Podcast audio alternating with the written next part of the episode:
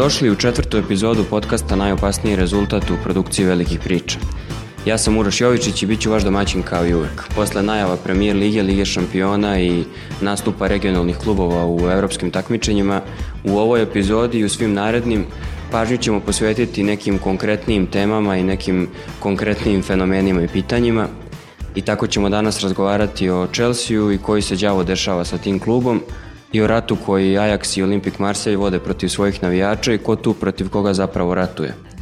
Sa mnom su danas, kao i u prvoj epizodi nove sezone i kad god se ratuje, Vladimir Novaković koji nam se javlja iz Antwerpena i Mihovil Topić koji nam se javlja iz Omiša. Dobar dan, gospodo. Ćao. Još bolje te našli. E, kako je vreme u Antwerpenu i Omišu? Da krenem ja, logično toplo, jako, ovaj, kod mene u spavaćoj sobi sasvim pristojno, ali izađeš u dnevnu sobu ovaj, u koju udara sunce tokom popodneva i tamo već ono, jedva može da se živi. U Omišu? Kod nas se ljeto vratilo, to najbolji dio godine ti ovo sad, poslije 15.9. ovi ljetni dani, to ti je najbolji. U Beogradu je ono, klima srednje žalosna, atmosfera vrlo žalosna zbog oružanog sukoba na Kosovu i Metohiji i ubistva, ajde da kažemo tako, najmanje četiri osobe u tim sukobima, odloženo je novo kolo futbolskog prvenstva i u njemu večiti derbi, tako da klasične negativne futbolske priče u Beogradu i, i okolici, ali ajde, u ovoj epizodi ćemo govoriti o jednako negativnim temama, da, da, da ne pomisli ljudi da je njima najgore u životu. Tako da ćemo da krenemo od Chelsea, kako sam i najavio, i pitanje za obojicu, može da krene Miho da se zagreje, jer je Miho prehlađen, da znate čisto da, da se ne zabrinete. Mikrofon mu radi odlično, ali grlo ga ne služi sasvim, da, da nam kaže e, da te neko sad pita da li se Bowley pokajao što je kupio Chelsea. Šta bi mu rekao na keca? Mislim da ima toliko novac da, da mu kajanje ne treba u životu. Sigurno se nije pokajao. On je Jel se ti pokaješ kad popiješ lošu kavu? Zavisi. Financijski.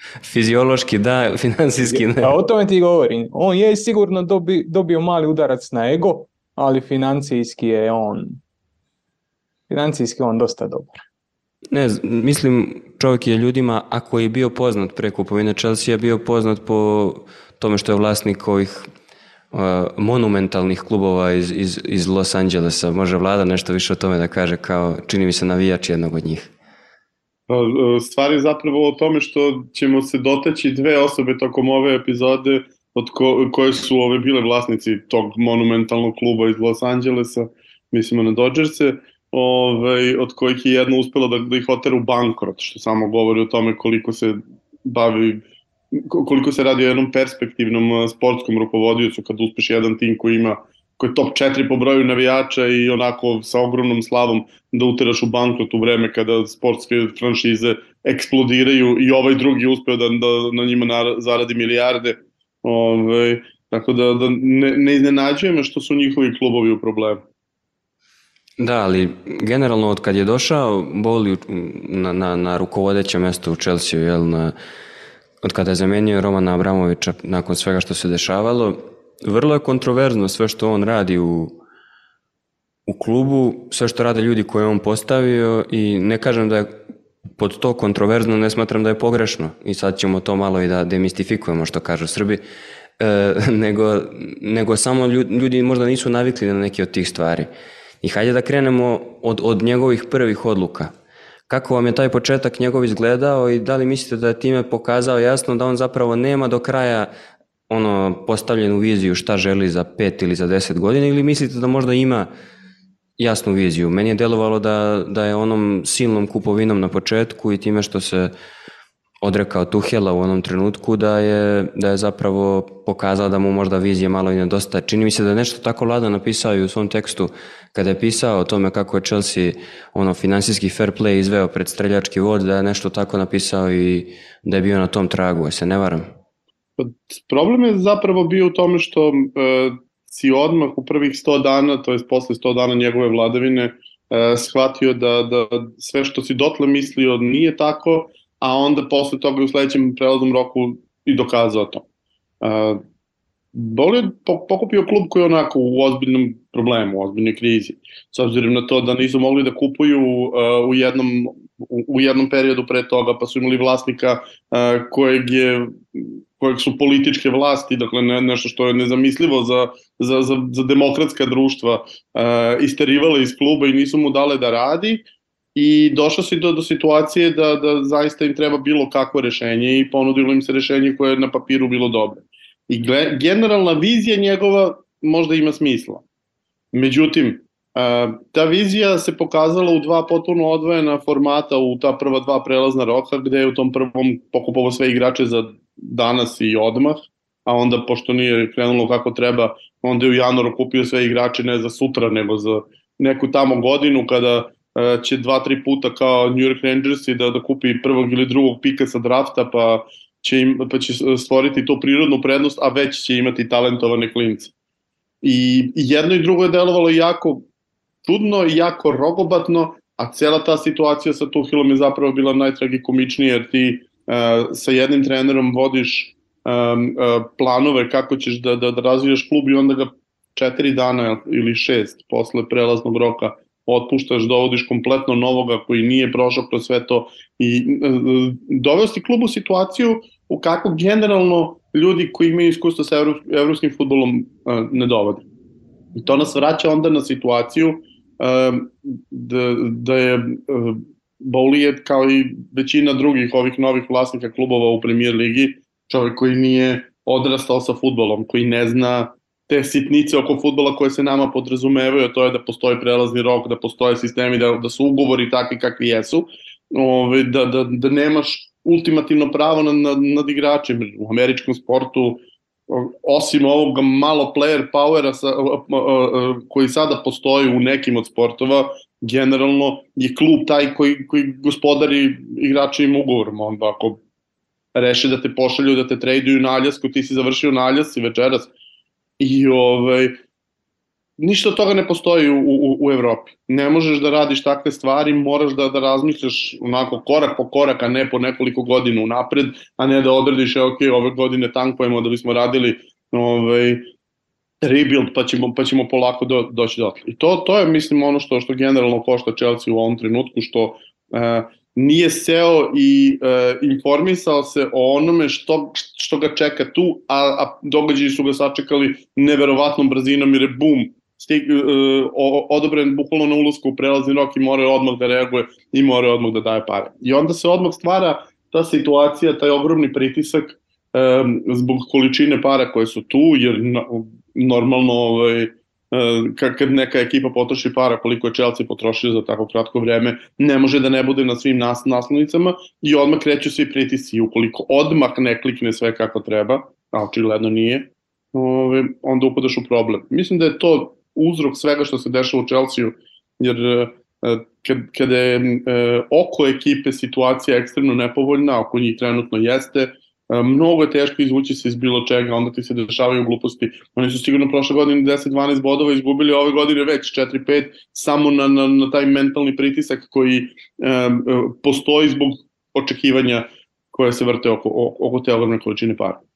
Mi smo u redakciji razgovarali poslednjih dana baš o, o tome da Iako je isti klub u pitanju, vrlo često se dešava da i sezone u sezonu igrači igraju u potpuno drugačijem kontekstu. O, o tvom omiljenom klubu smo razgovarali u Manchester Unitedu, pa sam ja rekao da nije isti nije ista kultura i, i nije isti kontekst kad igraš u Mourinhovom Unitedu, u Oleovom Unitedu i u Ten Hagovom Unitedu. Nije isti Chelsea kada igraš u Tuhelovom Chelsea i u ovom Početinovom i Miho, moje pitanje za tebe, a, a povlačim ga iz pitanja koje su nam postavili slušalci opet su bili vrlo vredni, mislim da je Pepino Galjardi e, pita da li vam deluje da je zapravo Chelsea najbrže moguće izgubio identitet od trenutka kad je otpustio Tuhela. Jel ti izgleda tako? Pričali smo ti ja o Tuhelu i ovde i inače 300 puta da je i prgav i svakakav, ali da li ti deluje da je njegovim odlaskom Chelsea izgubio identitet? Pa ja mislim da je vrlo redko da momčad zadrži identitet nakon što ode tako prominentna figura. ti kad mijenjaš trenera i kad zamijeniš Tuhela sa uh, Potterom, što sam kažeš, nije isti United kad ga vodi Ole i kad ga vodi Erik Ten Hag i kad ga vodi uh, Mourinho. Svaki od njih donosi nešto svoje, pa uključujući i Grema Pottera.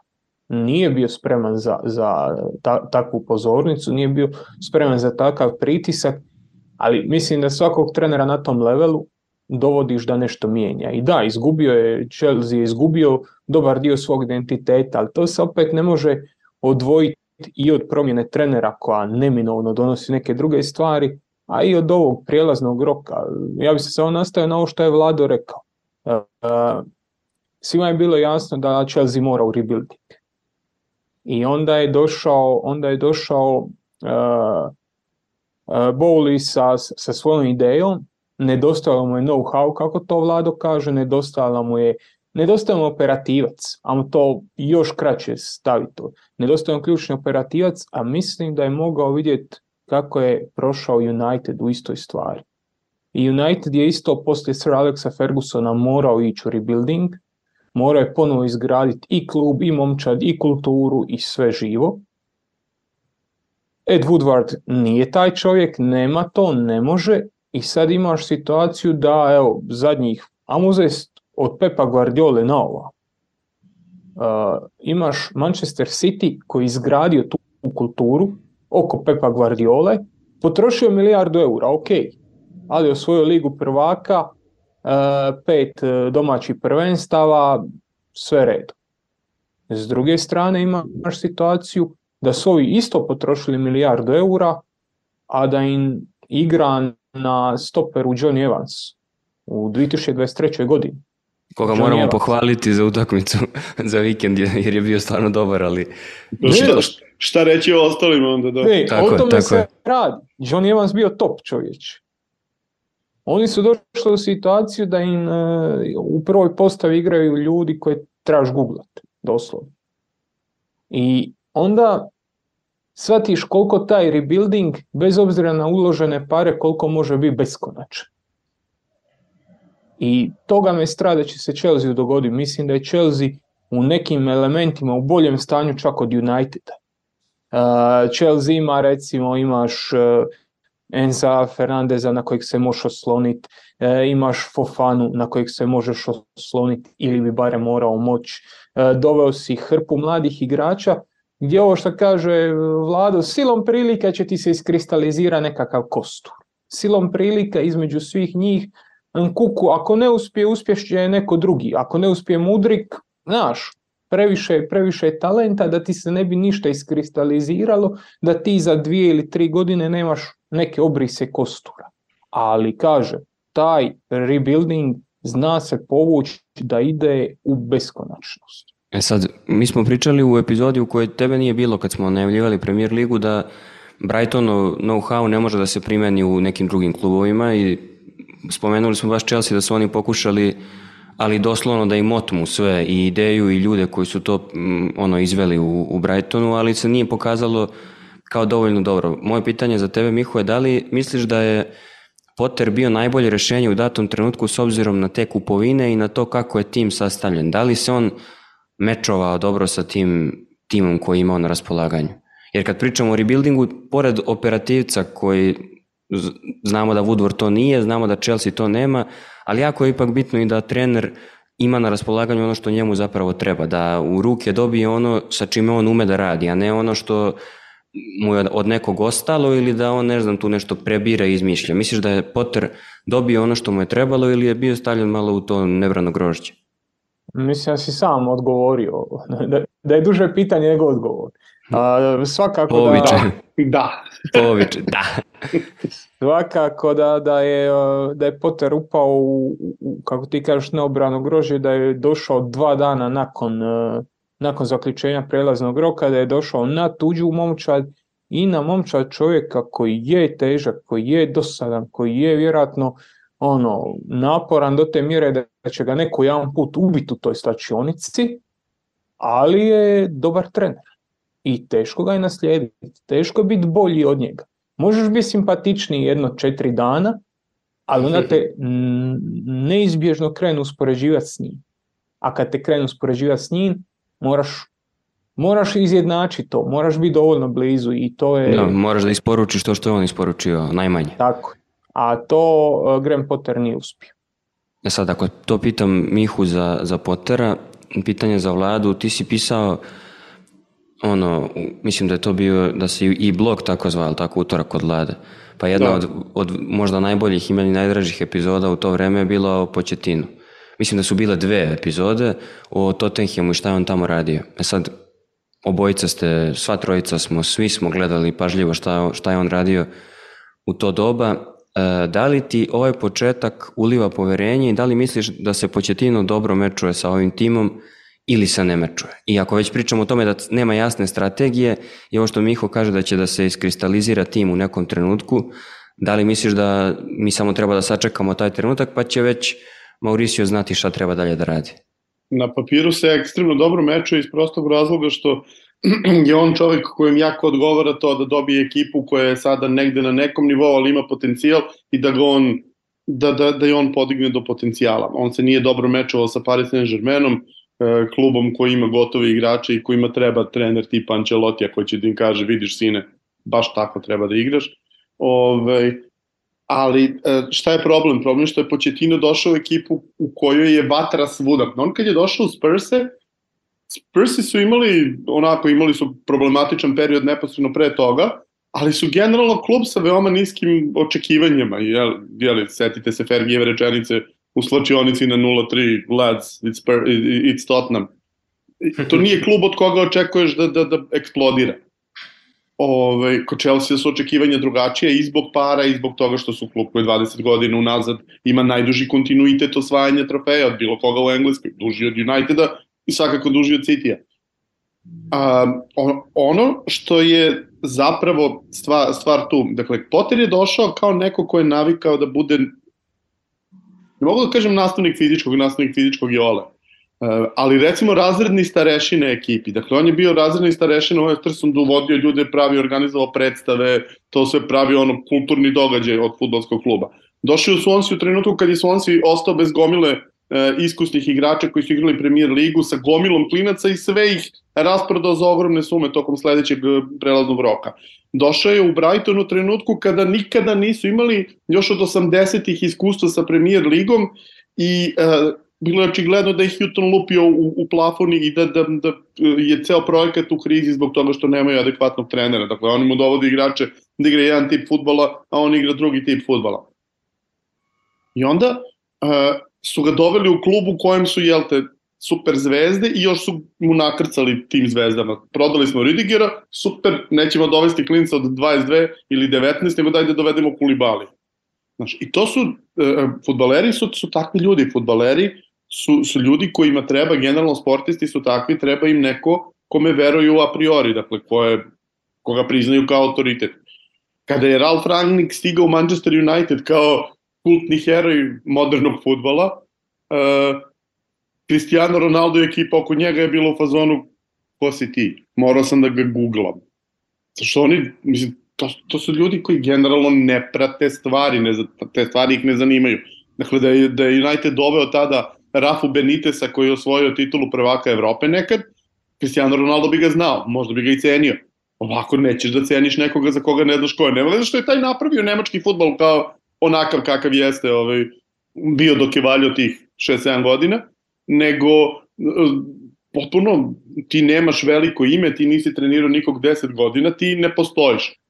U, u velikoj meri to je ono što je sačekalo Potere na Stanford Bridgeu. Dakle, on je simpatični meda koji se od mede pretvorio u šarp osobu i to, to je zapravo bilo najupadljivije taj trenutak gde on iz onako poluzaraslog, sad, ko ja sam sad kad bi krenuo da e, imam urednu frizuru, obrijao se i nosim odela. Ne možeš to da radiš kad si došao, to znači da si se ti odrekao svog identiteta. Bolje drži svoj identitet i probaj sa njim nešto da uradi. Znači on se odmah predao i sve što, što, je, što je sledilo je bilo logično. Početino je ipak neko ko ima veoma ozbiljan CV, on je odvuku jednu ekipu ekstremno limitiranih resursa u odnosu na, na direktnu konkurenciju u nekoliko borbi za titulu prvaka do finala Ligi šampiona. On je otišao u Pariz i tamo osvajao trofeje, ovaj, tamo niko, svi imaju problema pa ih ima i on. i krajnji liniji Tuhil imao problema, ove, tako da, da sve može da mu se nekako ono stavi, aha, dobro, kao logično da je tamo bilo teško. Ove, I zaista po svemu on bi trebalo da bude taj koji može da izvuče ekipu dalje. Međutim, da li će on dobiti tih nekoliko godina? Ko se seća kako izgledao Tottenham kad je on došao iz Southamptona, to baš ni nešto nije ličilo. Sticam okolnosti, oni su igrali te zime tokom njegove prve cele godine, e, igrali su u Beogradu protiv Partizana i bilo je to jedna od stvarno nepodnošljivih 0-0 utakmica u kojoj Harry Kane na terenu izgledao kao najgori futbaler na svetu koji apsolutno ne zna šta hoće i gde se nalazi to.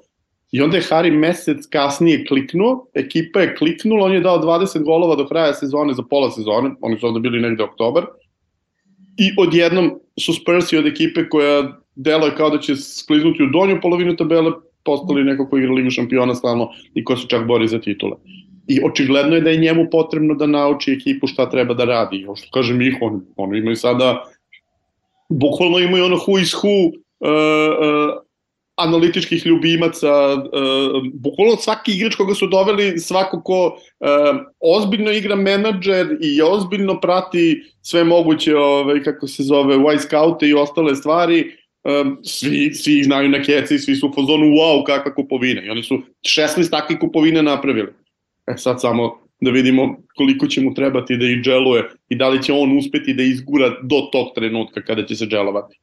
Namerno sam ovo pitao i meni u glavi bilo to gostovanje Tottenhima Partizanu.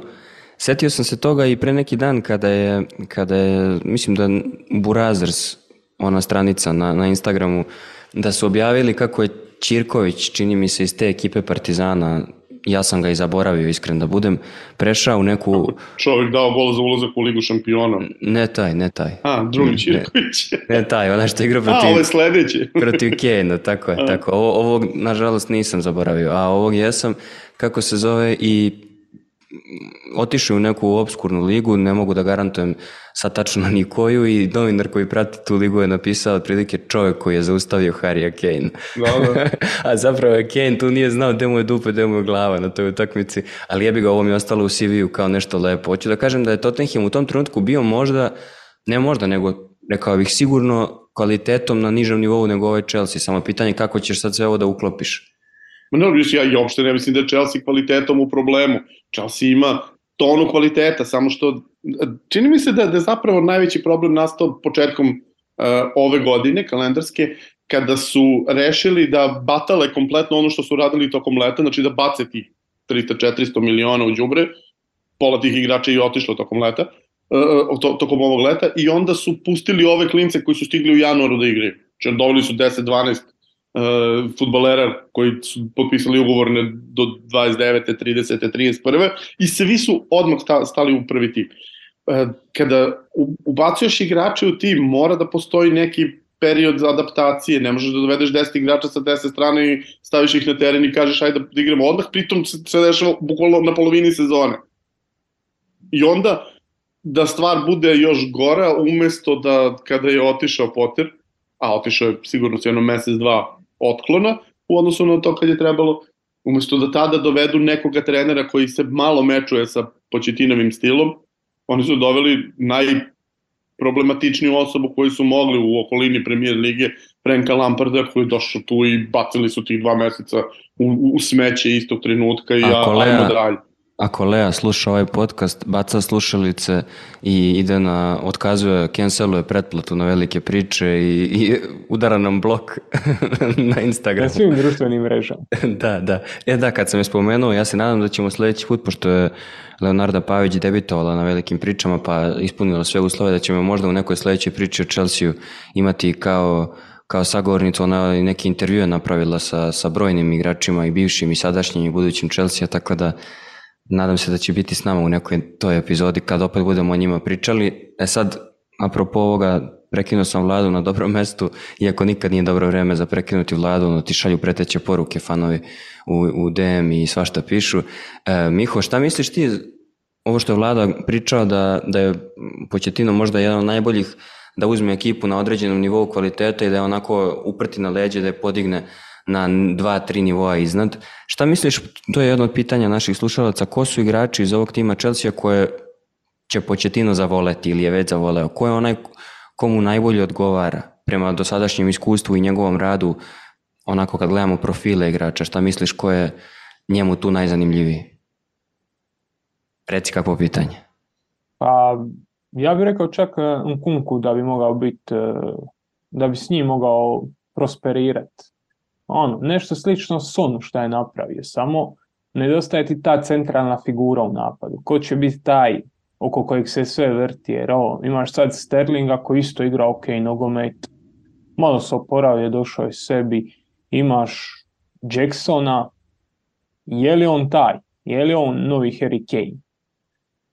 E, mislim da nije, ali ajde, zadržat ćemo ovaj, zadržat ćemo zadržat ćemo odmak. Odigrao je, odigrao je sve, sve utakmice u Premier Ligi je počeo, uh, ima jedan gol i pet žutih kartona, brat, veliki brat. Uh, tako da ono... Što bi se ostane... reklo old school striker, uh, kad, je, kad je ovaj Mark Hughes prešao u Chelsea, otprilike imao taj ovaj Učin. Omer, da. a, a, tako da ono, ostaje na vidjeti ko će biti Harry Kane, ali mislim da ima dovoljno likova oko njega od kojih može napraviti sonove. Od kojih može napraviti krila koja ulaze u šanse, koja zabijaju, koja, koja dolaze u, u prilike da, da, da rješavaju utakmice. A što ti misliš? Četiri Vlado... Robina, četiri Robina traži se Batmana. Da. Eto tako. A, a kaži mi ti, Vlado, šta misliš, ko se apsolutno ne uklapa od ovih ljudi na koje se možda računalo, ali da, da Početinu nije po ukusu. Iz bilo ja, kog razloga. Ja, ja mislim da će Rahim prvi tu da, da strada čim bude bilo opcije za bilo šta. Radujem se. Njegove, njegove mogućnosti su zaista velike, ali njegove druge mogućnosti nisu zaista velike. Dakle, on, on može da bude dobar futbaler, ali ovaj, u mozgu će imati Ali ne može da bude problem. pametan čovjek, da, da. I ono što, što je za njega čini mi se, mislim, sad je Miho rekao nešto jako, jako dobro.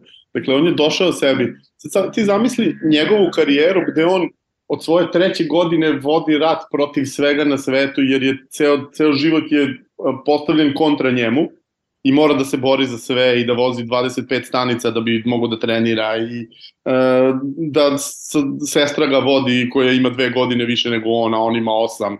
Znači katastrofa potpuna i on uspeva kroz sve to da, da se probira. Stigne u, u, u veliki klub, ode iz velikog kluba i onda njega od svih na svetu mrze navijači, ne mrze bilo koga drugog, nego samo su njega uzeli da mrze. Ove, mislim na navijače tvog omiljenog kluba. Ove, ode u drugi klub, uradi sve što može da uradi i oni ga prodaju neposredno pre nego što što će da konačno stignu do svega što treba. Šta misli nivo njegove njegovog lošeg osjećaja jutro posle Istambula kada shvati da je uh, City osvojio triplu krunu netom nakon što je njega prodao. Mislim, uh, ako to mečuješ sa njegovim karakterom, ja verujem da on čovjek ono gori Ove... Da, mislim, znaš kako, ja, moje prvo ono sećanje na Sterlinga je bilo predstavljaju recimo 16-godišnjeg, 17-godišnjeg igrača talentovanog budućeg, buduće vihorno krilo ovo, ono, a on drži dete svoje u rukama. ja rekao, jebe, jebem ti, da, da, ali da, u tom trenutku... On tad imao 17 godina i troje dece, da. Ove, ne, dobro, ali sve to na stranu, znači on je objektivno prošao kroz zaista golgotu od odrastanja. E, činjenica jeste da on nije čovek koji je pouzdan, znači on je u stanju da uradi čudo, a u stanju je da promaši naj, najnemogućnije stvari. I e, videli smo protiv Lutona kada je dao dva gola imao asistenciju, ali tako beše, ovaj, on je bio ne samo igrač utakmice, nego su svi odmah zvali, odmah su novine bili u fazonu čekaj kako selektor nije zvao, šta treba više da uradi da bi dobio ponovo poziv za reprezentaciju, on protiv Lutona, brate, ono ljudi ono, skupili se iz parkića, ono, doveli su... Jedva smo se skupili, bukvalno. Doveli su četiri profesionalna futbalera, ali su stigli prekjuče, još nisu stigli da se upoznaju. Ove, ono, Isaka Borim je među najboljim igračima. Ove, ovaj, Isaka Bore, kako se zove, koji ono, prošle godine bio u, u drugom kriznom klubu ovaj, o kojem ćemo pričati uh, ovaj, u, u, u Marseju. I iz toga dolazi situacija da ti imaš igrača koji ima jako visok plafon, ali ekstremno nizak pod, i ekstremno je nepouzdan u smislu neće imati 80% ono gore pa 20% dole, nego može se desiti da jedna bude ovako i jedna onako. I on nije čovjek na koga možeš da se osloniš. A među starijim igračima, među iskusnim igračima, poću treba neko ko će moći da, da, na, na koga će moći da se osloni. I on mi tu deluje kao prva opcija da, da leti iz prostog razloga što stvarno, što Mika kaže, Robina ima koliko hoćeš, treba ti nekog oko koga će da se gradi ekipa u, u napadačkom smislu, jer videli smo Chelsea ima, kada im analiziraš brojeve, što se tiče build-upa nemaju problema, što se tiče kontrole igre nemaju problema, što se tiče um, ubacivanja lopte u opasne zone nemaju problema, ali imaju užasne probleme da iz toga, dakle kad, kad se doteraju na ivicu 16 terca, da prave ozbiljne šanse. Protivnici koji stoje i čekaju ih generalno vrlo lako prolaze sa njima i drugi naravno problem to što mnogo lako primaju golove, što je opet posledica toga što mislim da će morati da nađu mnogo bolje golmana. I... E, sjajno, sjajan šlagvort. E, vidi, Izvoli. Pre, pre nego što ti postavim pitanje koje je jedan od naših redovnih slušalaca i ovih koji postavljaju redovno pitanje postavio, samo da primetio sam ovo dok si pričao, mislim sve što je vezano za Enca i za njegove ono kvalitete koji su na top nivou, funkcioniše ok, manje više. Sve što on može da drži onog što on nije. Nije on najbolji kreativac u svoje generacije na svetu. Ni, ni u jednom timu u kom igra ne možemo kažemo da je najveći kreativac i ne bi ni trebalo da bude. Hoću da kažem, sve ono što on može, ono što je Miho rekao, kad znaš da možeš da se oslovniš na takvog igrača koji je pritom i mlad i, i ima ono veliki potencijal i veliki potencijalni pik, onda ti je lako, ali mislim da im fali nekoliko igrača u tom delu neko ko će biti tu umesto Sterlinga da se ne oslanjaš na Rahima, jer ako smo nešto naučili Početina do sada, to je da on baš ne voli to što si rekao. Bolje da je igrač koji nema previsok plafon, ali bitno je da nema mnogo nizak pod. On je od nekih koji su i, od, i onako možda nama delovali prosečno, pravio dobre i funkcionalne igrače za, za tim. Ne treba mu neko ko može baš ozbiljno da zasere. A ono što je pitanje koje si ti ono, da, dao dobar uvod, to je ko će završiti sezonu među stativama? Pita naš Pavle. E, fantastično je pitanje s obzirom na to da je jasno da Chelsea fali bolji golman. Šta mislite koga će da, da gađaju kao, kao neko potencijalno rešenje ili možda neko od, od ljudi ko je tu već u ovom trenutku? Miho, šta misliš ti? Ko će da završi sezonu u Chelsea među stativama? Ja, ja mislim da je birat vratara na današnjem tržištu vrlo nezgodna stvar. Nemaš koga. Imali su Kepu, dali su ga Realu, uzeli su Španjolca jednog i sad im ostaje Španjolac drugi. Unaj Simon, ako se s njim dogovore, ako nešto riješe, ili pokušati sa našim bratom napaćenim Davidom Deheom. Van toga, ja stvarno ne vidim puno potencijalnih rješenja. Jer nije da tu imaš, nije da tu na toj poziciji imaš sad nekakav izbor. Pokazuje Ajde. to vrlo ja, Da, da, ajde samo kad, kad pričaš o tome da kažemo samo ljudima šta misliš ti da je potrebno da određeni golman ima da bi Chelsea u ovom trenutku igrao potrebnu ulogu? Kakav tip golmana oni traže? Ništa posebno. Danas, ja mislim da danas nemaš tipove golmana, ali realno, ti pogledaj sve elitne golmane, svi su, svi su jedan drugom do uha i svi su jedan drugome uh, slični. Čak evo, imaš Courtois i Oblak koji su kao shot stoperi, oni gađaju dijagonale na krila bez ikakvih problema, igraju u nogom, znači ja stvarno mislim da je to vrijeme tipa golmana prošlo negdje, negdje prije 5-6 godina i da je sad sve što imaš manje više slično. Imaš ekstreme, imaš Deheu recimo koji nije bio igrač nogom, onda imaš Onanu koji je tu top, ali zato nema ruke čovjek. A on, dobro ti je kad golman ima jedno i drugo, pomogne. I, no, i noge i ruke, da, da. Pomogne, pomogne to.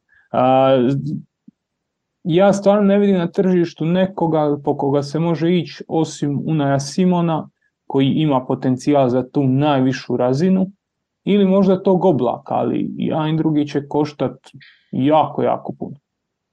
Vlado, šta misliš ti koje je golmansko rešenje u ovom trenutku? Slažeš se s Mihom da ih ima malo ili misliš da ima neko da, pro, mogu da problem sa golmanima, pa mislim svi su u velikim klubovima već i problem sa golmanima je generalno što zemlje koje su tradicionalno proizvodile golmane koji bi mogli da budu atraktivni, tipa Holandija, Holandija nije napravila pristojno golmana jako dugo unazad i pogledaš im reprezentaciju, brane im ljudi koji su debitovali sa 34, zato što oni jedini umeju da igraju dovoljno dobro nogom, ali opet imaju isti ovaj problem kao Nana, to je što generalno skoro pa ništa ne mogu da odbrane.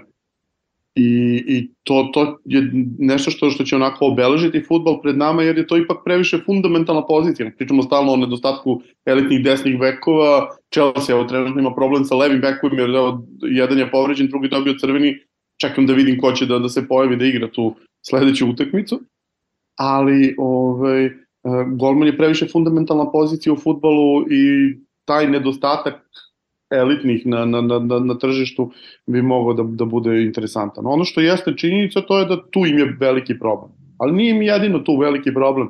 Rekao, imaju previše mek trbuh, previše lako dopuštaju protivnicima da, da, da stvori tu jednu ili dve šanse iz njih generalno primaju golove i kada prime golove iz njih upadnu u problem. Evo sad su opet izgubili utakmicu bukvalno ni iz čega na jedan besmislen crveni karton na, na potpuno besmislenom mestu na terenu i na kraju praktično iz jedne od dve šanse su primili gol ako su bili bolji. E, jedno blic pitanje pre nego što završimo sa Chelsea, makar za ovo, za ovo uključenje, što kažu, e, Pavle, isti čovjek koji je pitao ovo za golmane, očigledno ono, bavi se golmanima, pa, pa je za jednu od prethodnih epizoda, a to nije, nismo stigli, postavio zanimljivo pitanje. Da morate da birate između golmana koji je odličan golman u smislu da, da da je da. ono shot stopper uh, i da, je, da ga ocenimo od 4 do 5 kvalitet, da li prebirate njega koji ima 4 od 5 zvezdica ili golmana koji ima 2 od 5 zvezdica, ali je vrhunski nogom? Glatko prvog. I to baš glatko. Što? Prvog golmana bira. Znači, da, da, koji je 4 od 5, a ne može pogoditi ništa. Zašto? on ti onako treba da obrani.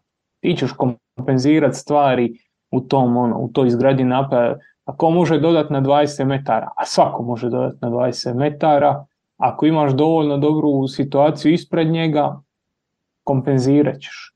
Da, jasno, jasno. Ti Vlado?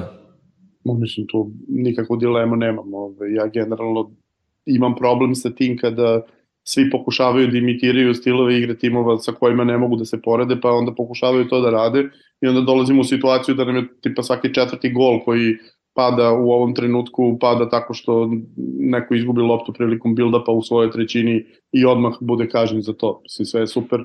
Što Ederson to može, ali Ederson je Ederson i Ederson ima oko sebe zaista super elitni igrač. Ti ih nemaš... I, nemaš... i Ederson nije 2 od 5, realno. Jer šta čovjek ume da odbrani... Ove, a, a i nije 4 od 5, nego je više 5 i po od 5. Tako je. U, u, u igranju nogom. Ove, ali um, generalno to, znači posao golmana prevashodno jeste da, da, da te sačuva, jer kad svi prođu, golman je taj koji ima te dodatne moći, ima pravo da igra rukom ovaj, i, i to, to je ono što je njegova najvažnija funkcija na terenu ukoliko to ne može da radi, evo imamo pri United e, kako funkcioniše ove godine. Dakle, prešao je od vrhunskog short stopera na, na, vrhu, na, na vrhunskog igrača nogom. Problem sa onim vrhunskim short stoperom je bio u, u njegovom karakteru u tome što je previše preplašen za jednog golmana. Golman mora da bude ludak, a on to nije. Ove, i, i, i u, u tome što se bojao da istrčava na lopte, ali opet ovaj se ne boji da istrči na lopte, pa onda udari čoveka u 16 tercu i, i zavisi od toga da li je sudija dovoljno luda ne sudi penal. Ove, prosto, prosto ne znam šta je gore, ali generalno cela ideja je bolje mi nađe nekoga ko možda radi 4 i 3 nego da neko ko ima 5-2. Da, da, da, bi, jasno. da, bi ne, da bi nešto uspeo i da odbrani ponekada, da opet može da ti pomogne. Ali i ti 4 i 3 bolje da bude 4 shot stopper, a 3 mnogo nego obrat. Da. E... Ja sam ima trenera s kojim sam radio I sad kaže čovjek isto tako se birali, birali su se golmani ovoga onoga postala neka selekcija, dva, tri imena su bila i sad raspravlja se isto karakteristike, sve. I na kraju je podvukao crtu i kaže meni golman ne treba da obrani ono što se mora braniti. Meni golman treba da obrani ono što se ne može obraniti. I mislim da je to ono što, shot stopping kad pričamo o tome e, evo, uhvatili smo se De, De He, uh, ali možemo li Vaković uzeti za primjer? Uh, ispod prosječni igrači nogo nisu sakati, nije da ne mogu baš ništa pogoditi, ali dosta ovisi o njihovom samopouzdanju i strukturi ispred, ispred njih. Ali kad ti on obrani čisti zicar, to je infuzija za, za, za, za ostatak ekipe. To je, to je psihološki jedan efekt koji je ogroman. I taj Livaković ima, možda, možda ljudi nisu toliko upoznati s njim ko ja, ali taj dečko je vrlo sličan Dehej. Ti njega kad gledaš ne vjeruješ on uvijek izgleda da je na rubu suza, uvijek da će ovo sad zaplakat. Uh, ovo što je Vlado rekao, nema samopouzdanje za izlazak. Nije tu pitanje ni kvalitete, jednostavno samopouzdanje. On je znao pogađati dodavanja da ti pamet stane. Prvo koje promaši, iduća četiri su ono, stoperu ispred sebe na, na dva metra. Tako da Ili on, out. ili to. E, tako da ono, iz te perspektive, kad imaš golmana koji će te izvući iz govana, to je, to je nešto, nešto nenadoknadivo. Ja mislim da, kad evo, spomenuli smo Edersona, mislim da je da je Ederson da je Ederson u Ligi prvaka u zadnjih pet godina dosta bodova prosu. I da je dosta puta razlike između toga hoće li uh, Manchester City proći ili neće bila ili ima golmana ili nema. Imala Ederson, imao Edersona koji može razigrat nogom, ali u tim utakmicama ti to nije bilo ključ. A Chelsea u tim trenucima Courtois i prolazi. Na Courtois, na, na njegove obrane, na, na vađenje nemogućeg. Jeste, i vrlo često kad se, kad se govori o golmanima i kad se spominje Ederson, porede ga ljudi sa Alisonom. Logično je poređenje, M su u isto vreme, u istoj reprezentaciji, M igraju za dva kluba koja su u prethodnih godina imali te najveće i najduže duele u, u, u premier ligi i borbe za titulu. Ja mislim da tu nema dileme ko je bolji golman. Iako je za nijansu slabiji nogom, ali kad bismo birali, ja kapiram da bismo sva trojica izabrali istog. Nadam se. Ma golman prvo ne smije imati tetova... ne, odnosno, nitko ne smije imati tetovaže na vratu, tako da on...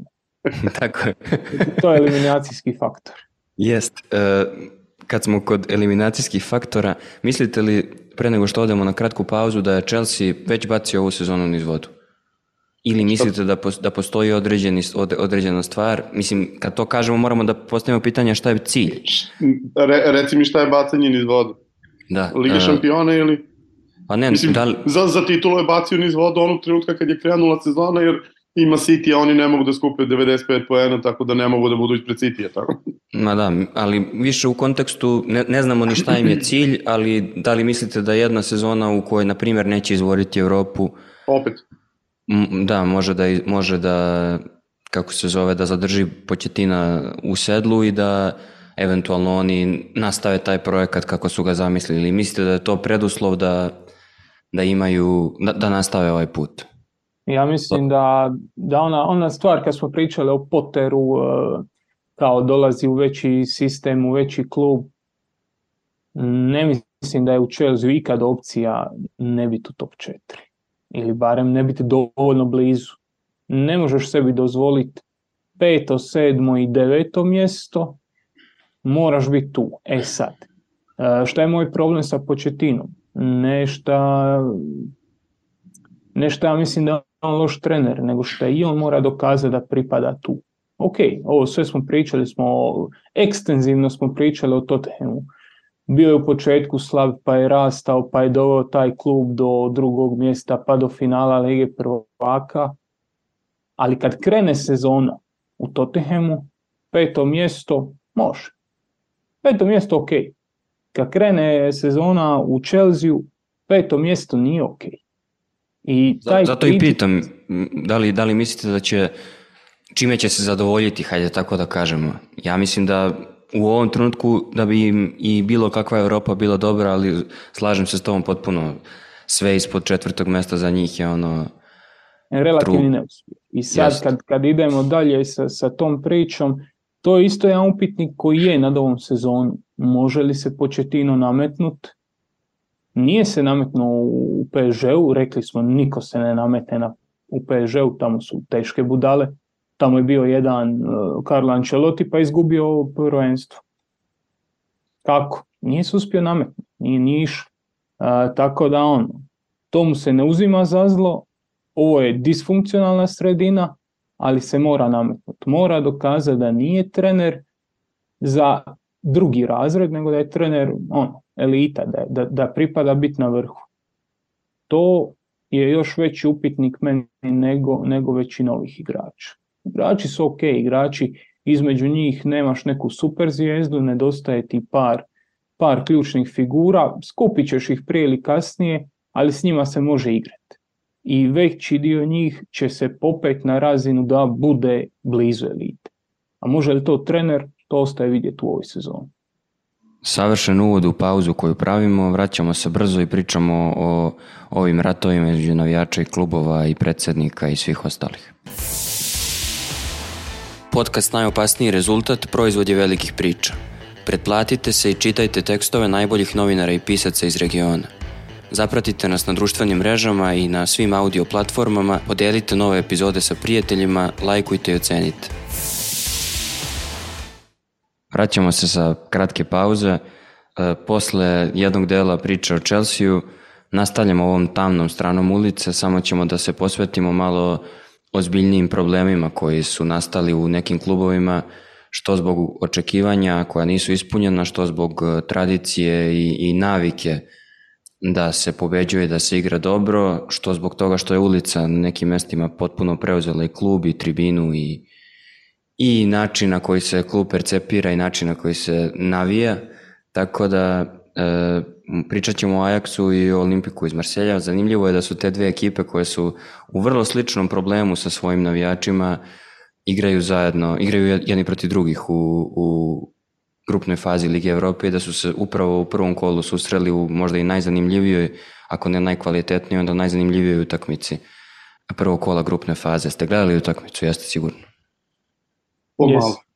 Jesam. I, I sad, ovo si dobro rekao, ne u najkvalitetnijoj, ali u najzanimljiviji. To, to Pa da, da ja, u, u jednom trenutku pišem Marku poruku, rekao, raspadaju se jedni i drugi, možda bude 0-0, to mi je bilo razmišljanje pre početka, ali pre će bude 4-4, tako da malo sam promašio. Hajde da krenemo od Ajaxa, ipak je to, u jednom trenutku sam mislio da ćemo o njima manje pričati, ali e, u međuvremenu se stvar zakomplikovala, da naglasimo ljudima, njihovi navijači su za vikend pri rezultatu 0-3 e, u derbiju protiv Feynorda prekinuli utakmicu, i njihovi navijači su radili ono što je vlada nedavno pri, pričajući o, o, o navijačima Manchester Uniteda koji nisu, nema efekta to... Nemaju kohones.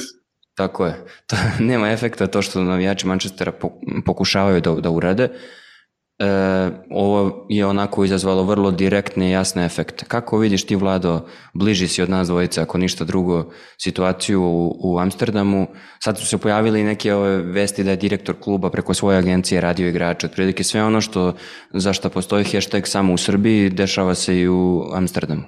Vidi, ovaj, moramo prvo da stavimo jednu ogromnu distinkciju između Ajaxa i Marseja. Ne, naravno, naravno. Daleko od toga Marse je deo svetog mediteranskog trojstva, Barcelona, Marse i Split. Dakle, to su tri kluba koja su mnogo veće od svojih gradova, koji su simboli svojih pokrajina, koji su simboli svog načina života i su prostavljeni državnom vrhu koji god da je državni vrh u tom trenutku. Uh, Amsterdam kako si ovo je... lepo, kako si ovo lepo rekao, pogledaj Miho, ozaren. Amsterdam je uh, državni vrh Dakle, Amsterdam je sa suprotne strane. Kada navijači Ajaxa prekidaju utakmice, oni ih prekidaju zato što su razmaženi. Kada navijači Marseja prekidaju utakmice, prekidaju ih zato što su ludi jer jednostavno drugačije ne mogu. Uh, čak i kada je dobro u Marseju je haos, tamo nikad nije baš sve potama. Dakle, u, ta tri grada Marsej je fundamentalno najproblematičniji grad. Dakle, Marsej ne, ja generalno od ta tri grada Split je daleko najbezbedniji, Marse je daleko najbezbedniji grad za bilo šta da se prošetaš, da baš je pakao od, od, od mesta. Amsterdam je grad ljudi koji imaju u proseku ogromne plate i svi žive lepo i sve je super sređeno i sve je kako treba i najveći problem je, ah za Boga, izdali smo previše Airbnb-a u, u centru grada jer imamo zilion turista. Uh, Ajaxov problem se bazira na uh, deceniji mismanagementa koji je bio pokriven jednim jako uspešnim periodom koji se nalazio tu u, u, u sredini svega toga, ali je zapravo baziran na, na loše percepcije i ko šta radi. Ajax je futbolski klub koji je tamo negde oko 2010. godine imao unutrašnji građanski rat. U tom građanskom ratu bile su dve struje Ajasida pravih, gde je Johan Cruyff, odnosno Cruyff, pobedio i gde je nametnu tu priču Ajax Ajaxovcima, ajde da vratimo naše stare zvezde da budu na svim rukovodećim mestima. Ja generalno sam najveći protivnik koncepta bivši futbaler u direktorsku fotelju, osim ako nije ono direktor, ono, predsednik kluba pa da se slika i da je he he ha ha. Bivši futbaler bilo gde realno ispod predsedničkog mesta, osim na trenerskoj, mislim, ne, ono, ne, gomila je njih koji... mesto u, u, u smislu ono mesto koje ne odlučuje ni na šta, znači ti si predsednik da. klub, tako je, ti si predsednik Nemačke, ti si predsednik futbolskog kluba, sediš tu i ne radiš ništa, a svako direktorsko mesto ljudima koji znaju da rade direktorski posao. Ajax to nije radio i Ajax je okupio gomilu svojih bivših igrača i posrećilo im se da je jedan od njih zaista super talentovan u tome što radi. On se zove Mark Overmars, on je sastavio ekipu sa Erikom Tenahom, on, on je prikupio sa strane neke super uh, dobra rešenja od kojih je nama svakako najbliže, a i najupadljivija i rekao bih i njima najbliže Dušan Tadić, ovaj, sa kojim imao neviđenu sreću da je Tadić privatno insistirao na tome da završi u Amsterdamu, a ne za, ako se ne vrem, četiri puta veće pare u Kini, gde je pokušavao da ga odvuči njegov agent. Ovaj, čak su se i malo pokuškali oko toga. Ovaj, hteo da igra za Ajax, igrao za Ajax i omogućio sve što se dešava. Ajax je nastavio da producira klince, talentovane, i Ajax je pokupio neke jako dobre igrače sa strane, pre svih Frenkie de Jonga, ove, koga je doveo kada je bio tinejdžer i napravio od njega super zvezdu, on nije njihovo dete. Ove, kad, su, kad su sve to sakopili, kada se sve dogodilo na jednom mestu, kada se još i karakter Erika Tenaha uklopio, oni su prošli kroz tu seriju, uzeli bi četiri titule u nizu, da nije korona prekinula, jer su i tad vodili, ostale tri sezone su bili prvaci, igrali polufinale Ligi šampiona, što nisu prošli u osminu finala prethodnih više od decenije, tako dalje. Dakle, ekipa se potpuno drugačije profilisala u odnosu na recimo 2015-16. Ali oni su klub koji pre toga imao gomilu kriza. I onda je Erik otišao i onda su krenu, onda je otišao, što je ključno Mark Overmars, to svi verovatno znaju kako je došlo dotle, bilo je nekih mailova, bilo je svega toga, on je optužen za harassment i ostalo, nije mogao da ostane u Holandiji, što je baš bizar, jer ono Holandija je ekstremno liberalna zemlja gde je bukvalno, ja ne znam šta ne može da se radi, ali eto, ovo nije moglo. I komšije su iskoristile priliku, e, gazda Antwerpa je okrenuo Marka, on je došao u klub, dovukao trenera, dovukao igrača i puf, Royal Antwerp, tripla kruna, a nisu uzeli titulu pre toga od 1957. iz prve godine Overmarsove, Ajax puf pada u, u, u, u problem. Problem sa Ajaxom je što bi Ajaxovi navijači želeli da Ajax bude Bayern München. Znači da uzme 9 od 10 titula i da stalno se bori, ajde ako ne za po, ajde ne minimum polufinala, ali recimo četvrtfinala Ligi šampiona na svake dve godine. Ajax nema sredstva da to bude. Ajax nije toliko dominantan u odnosu na PSV i Feyenoord. Um, u ligi imaju klubove kao što su Twente i Aze koji kontinuirano su u stanju da na svaki 3-4 godine naprave po neki uh, iskorak, pa i kad imaš dva kluba koje prave iskorake, pa kad imaš dva kluba koji imaju sredstva da se bore sa tobom, ne možeš da budeš devet puta prvak. I to je ono što je problem. Ajax je prošle godine bio treći, to nije strašno. Oni nisu izgubili ni od jedne ekipe ispod petog mesta. To nije strašno, jel da? Ne, za njih je to užasno. Jer oni su završili sezonu na najslabijem plasmanu u 14 godina. Završili su sezonu tako što su protiv top 5 imali tri remija i pet poraza, dakle ni jednu pobedu, što su od PSV-a izgubili dva finala, jednu u kupu i jednu u superkupu, ostali bez trofeja, ostali bez mesta u Ligi šampiona. Dakle, to je nacionalna katastrofa. A počelo je tako što su A. Otišao im je sportski direktor. B. Prodali su tog leta e, osam igrača, ovog leta još šest. Dakle, 14 igrača iz tima kojeg je Erik Tenak vodio više nije u klubu bilo kad je krenula, kad je, kad je došao 1. septembar ove godine. Ove, zaradili su 370 miliona evra od toga, uložili 200 i nešto miliona, u potpuno različite, znači pričali smo ono o Chelsea kako dovodi jedan tip igrača u, u julu pa drugi u januaru, ovi su doveli uh, za različite sportske direktore sa različitim idejama ovaj, uh, uh, uh, futbolere. Prvo je probao Puntelar koji nije uspeo, onda su doveli prvi put posle decenije i po sa strane čoveka i to je bio Sven Mislintat koji je doveo gomilu igrača. Sad Mislintat je doveo u prelaznom roku više od 10, 12 futbolera, ako se ne varam, koji su Uh, ako ih ovako uzmeš i pogledaš svi koji se lože na futbol i prate ozbiljno futbol, sećaš se, pričali smo malo pre o Chelsea-evim igračima koji svi znaju sa menadžera, ovi su isti takvi. Dakle, fenomenalni. Ja, ja se sećam pred početak sezone jedno 5-6 analitičkih profila koje, koje pratim na Twitteru je proglasilo Ajax evropskim šampionom prelaznog roka. I Ajax iz toga ulazi u sezonu u kojoj je trenutno 14. na tabeli, u kojoj su uh, pobedili u prvom kolu i posle toga više ništa, u kojoj su ušli u grupu ovaj, uz, uz pomalo problema, zato što su izgubili kod kuće u revanšu protiv Ludogoreca, ali su u grupi odigrali 3-3, u kojoj uh, su vezali opet dve utakmice sa ekipama iz vrha i obe izgubili od Twente i Feynorda i na kraju su prekinuli utakmicu. Sad, ceo taj pri, pristup prekidima utakmica malo treba oko Holandije objasniti. Holandija ima taj jako glup zakon, pričao je, na, pisao na, na Twitteru Mikser, Miloš Ivanović naš, ove, o, o, o tome koliko je glup zakon po kojem ako jednom padne baklja, utakmica se prekida, ako padne drugi put baklja, utakmica se automatski prekida. I onda to dovodi do situacije da recimo Ajaxu prekinuta utakmica um, 32. kola prošle sezone protiv Groningena, dakle na kraju sezone samom, iz istog razloga Groningen je ispod iz lige, navijači rešili da prekinu utakmicu. Jednom bacili, drugi put bacili, šesti minut kraj. Uh, početak sezone, uh, druga liga Holandije, derbi Juga, Willem Tvej Tilburg protiv Nagbrede, 0-3, jednom bakli, drugi put bakli prekid utakmice. To, takve stvari u Marseju ne postoje, tamo bi se igrali posle toga, možda bi ispraznili jedan boks. I, igrač, igrač zapali baklju i, i igra, brate. Igrač I... zap, to, igrač zap, navijaš zapali igrača, igra se dalje. Ovo sve može. Evo gledali smo, čak igrali, imali smo u premier ligi situaciju gde Newcastle daje gol, na igrači trče da proslave gol, sled, sleće plastična flaša sa vodom pogađa futbalera u nogu, no nikom ništa tera i dalje. Pazi, premier liga u kojoj nam pričaju svi kako te hapse ako bilo šta uradiš.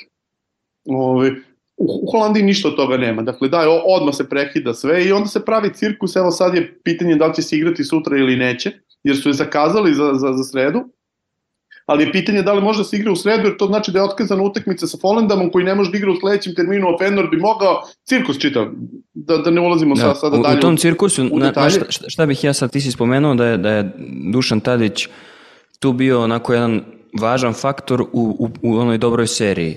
U, Dušan Tadić seriji... je bio tata, tata tima, dakle on je bio taj oko koga je ceo tim izgrađen.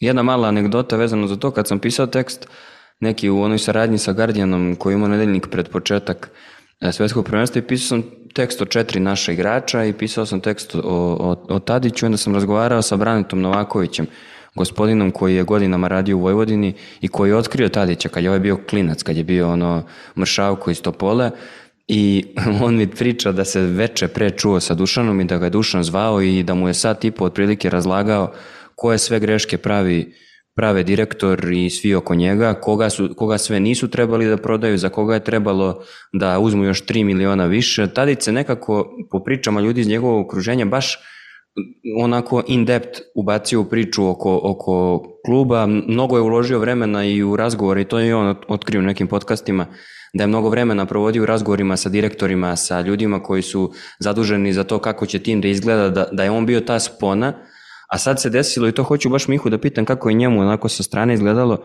desilo se da u jednom trenutku bukvalno svi ovo što je vlada rekao, bivši igrači, svi oni koji smatraju da možda njima pripada neka pozicija, da su ono drvlje i kamenje osuli na Tadića. Kako je tebi izgledala Mihu njegova, njegova uloga u Ajaxu i misliš li da, mislim, na, znam šta misliš, pretpostavljam zapravo, ali kolika je zapravo njegova odgovornost i odgovornost tima u situaciji u kojoj je kontekst očan. Može i vlada, mislim, svakako pa ne, ne, sam, da se... Pre nego što Miho to kaže, moram samo da ti kažem, kad je dolazio u Ajax, njegov privatni plan bio je da, da potpiše osmogodišnji ugovor i da tokom tog osmogodišnjeg ugovora iz sa terena pređe u druge strukture, da li trenerske, da li um, upravljačke, preće biti ovo drugo, ali njegova generalna ideja je bila da više ne ide iz Ajaxa. On nije hteo da, da, da završi van Ajaxa. Dakle, to što se dogodilo ovoga leta je posledica krize u kojoj se klub Pa da, a evo šta navijači misle o tome, oni su pokazali, šta Miho ti misliš o tome? A, Vlada je rekao jednu, jednu zanimljivu rečenicu, Tadić je bio tata toj momčadi. I Frankiju de Jongu, i Matijasu Delichtu, i svim ovima što su dolazili prije i posle njih, on je tu bio liderska figura, vođa i na terenu i u slačionici i sve ostalo. Uh, Josip Šutalo kupljen za 20 milijuna eura, dolazi u klub, dobiva kapetansku traku u prvom ili u drugom. Iste večeri. Nevjerovatno. Pazi, to je uh, Josip Šutalo je odličan dečko, karaktera momak, uh, radnik veliki. Vjerojatno on je svojim pristupom došao do toga da on tamo se nameće ko u tom kratkom periodu da se on nameće ko neko ko, ko je lider. Ali ako ti može biti lider neko koji s aviona sišao, došao na teren i dobio traku negdje u taksiju na, na pola puta, onda si u velikom problemu. I to je, na toj utakmici je bilo nekoliko izostanaka, bla, sve stoji. Sve Ma nije jedno. važno, ne može on da bude kapitan. Kapetan ti je čovjek koji je ovog trena sišao sa aviona. I to ti pokazuje hrpu, hrpu stvari u toj organizaciji i kako je sastavljena ta, ta momčad. E, kad pričamo o Tadiću, njegovom, e, njegovom karakteru, sve to može stati, ali taj prijelaz iz jedne fotelje u drugu, odnosno iz igračke, iz igračke kabine u gore urede, u fotelje, to je uvijek teško. To je uvijek rat i tu je uvijek, e, on mora uzeti nečije mjesto. Da bi on napravio nešto, on mora nekome preuzeti mjesto i to su sasvim drugačiji odnosi nego u slačionici. I nisam siguran, sve ovo što si ti sad pričao, e, šta je trebalo napraviti, kako je trebalo, nisam siguran da je on u pravu tu. Ispada da su ovi u krivu, to na rezultati pokazuju ali želim ti reći da, da sva ta ambicija koju on ima i koju je pokazao ne mora nužno značiti da je taj njegov prelazak gore bio prirodan. I pogotovo ne mora znači da je on bio tu dobrodošao. I iz te konteksta moraš gledat šta se, šta se dogodilo ovo ljeto, taj njegov raspad s njima, dosta, dosta je teško to, dosta je teško to komentirati s obzirom da ne znamo točno njihove odnose, ali često, često sam bio svjedok da, da, da gledamo takve stvari kad igrač bi trebao preći u, u upravljački sektor, da to ne završi baš jako dobro. Ne, meni je delovalo... Ima, ima tu, tu još jedna da. stvar, ove, a to je, možda ne znamo konkretne odnose, ali znamo mentalitet ljudi. Um, ja zaista nikad u životu nisam video veću količinu ono sistemskog rasizma nego u, u, u Holandiji, odnosno u Randstadu. Randstad je taj prostor koji obuhvata tri najveća holandska grada i generalno tu gde živi otprilike trećina holandskog stanovništva i koji je onako centar njihove države i centar njihove e, ekonomije i svega ostaloga.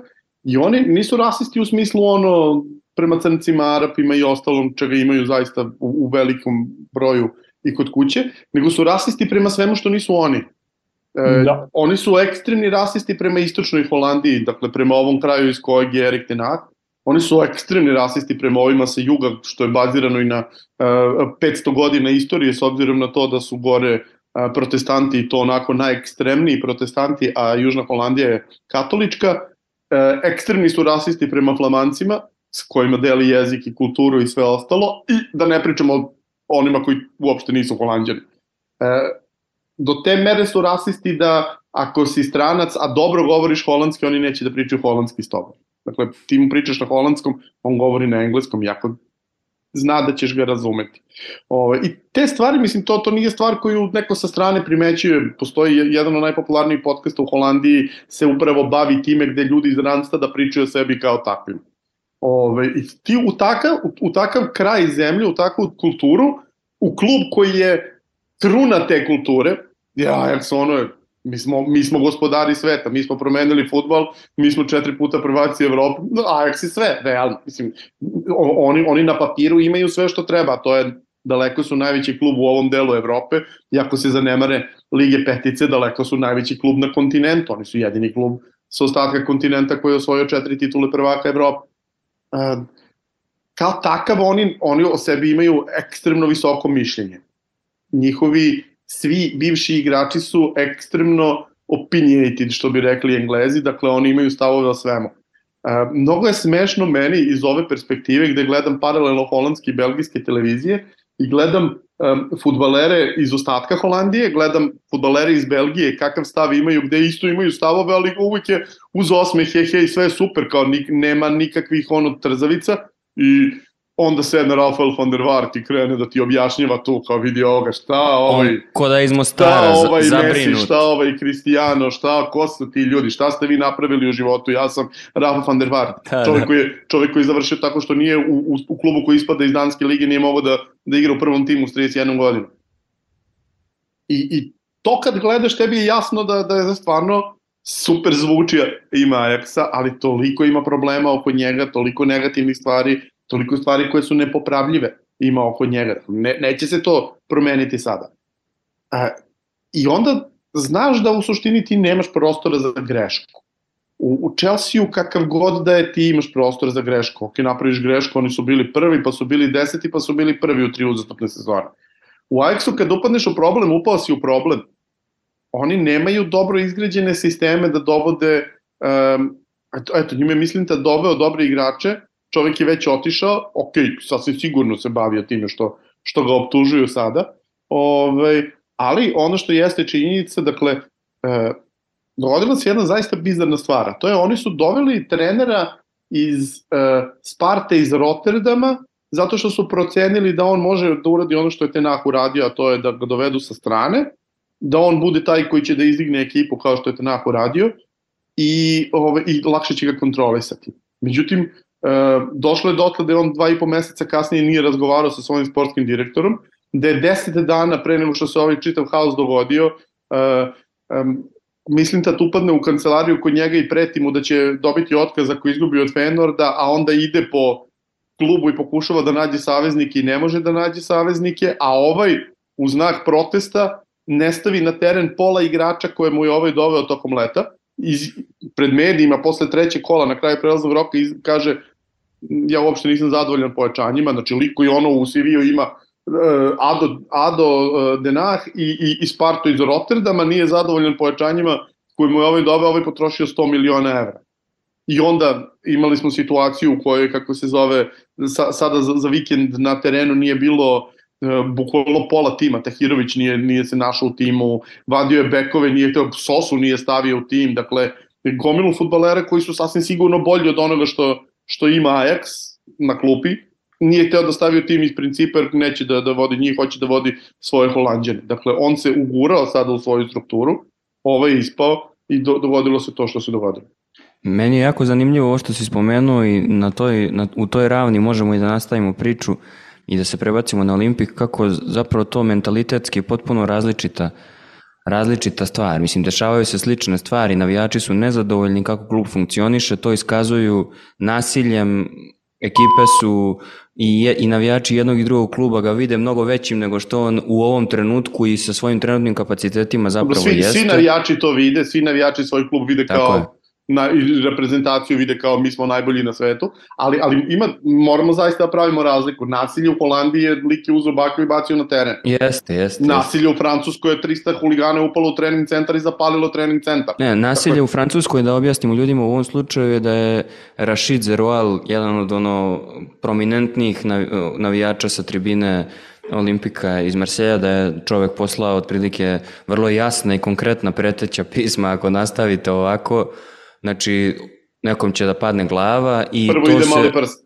Tako je, i to se u, u tom gradu i ono što si ti rekao, u takvim sredinama i futbalskim i generalno mentalitetskim ozbiljno ishvata. Miho, ja bih volao da nam, Ne šale se, da. da nam ti ovde daš onako jednu tvoju e, iz, iz tvoje vizure ovo što je vlada spominjao Split, ja bih uključio tu možda čak možda geografski, ne znam da li se uklapa, ali bih rekao da se i futbalski i mentalitetski Istanbul Pa i uklapa Napulj.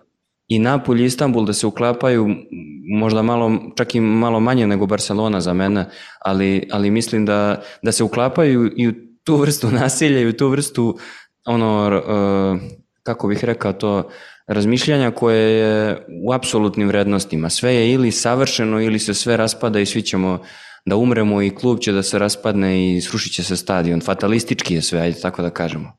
Da čujemo A, od jednog, od jednog e, stanovnika Dalmacije kako on to vidi. Mediterance, Mediterance. Meditera, lepše zvuči. Uh, ovo što je Vlado pričao o nizozemcima, o tom njihovom internaliziranom rasizmu ili kako god to hoćeš nazvat, kad je Erik Ten Hag dolazio u, u, u, u Ajax 2017. krajem 2017. The Telegraph je stavio u naslov Tuker. A to je njihov pogrdni, pogrdni, uh, pogrdni izraz za te seljačiće sa, sa granicom, na granici sa, sa, sa, Sa Nemačkom. Znači, oni kod nas, mi mrzimo sve. Protiv svega su. Protiv, protiv svega što možeš zamisliti, ali ako si s nama, onda si naš. I onda si naš, nema veze odakle si, šta si. Mi jesmo protiv svega, ali kad si tu, dobar si.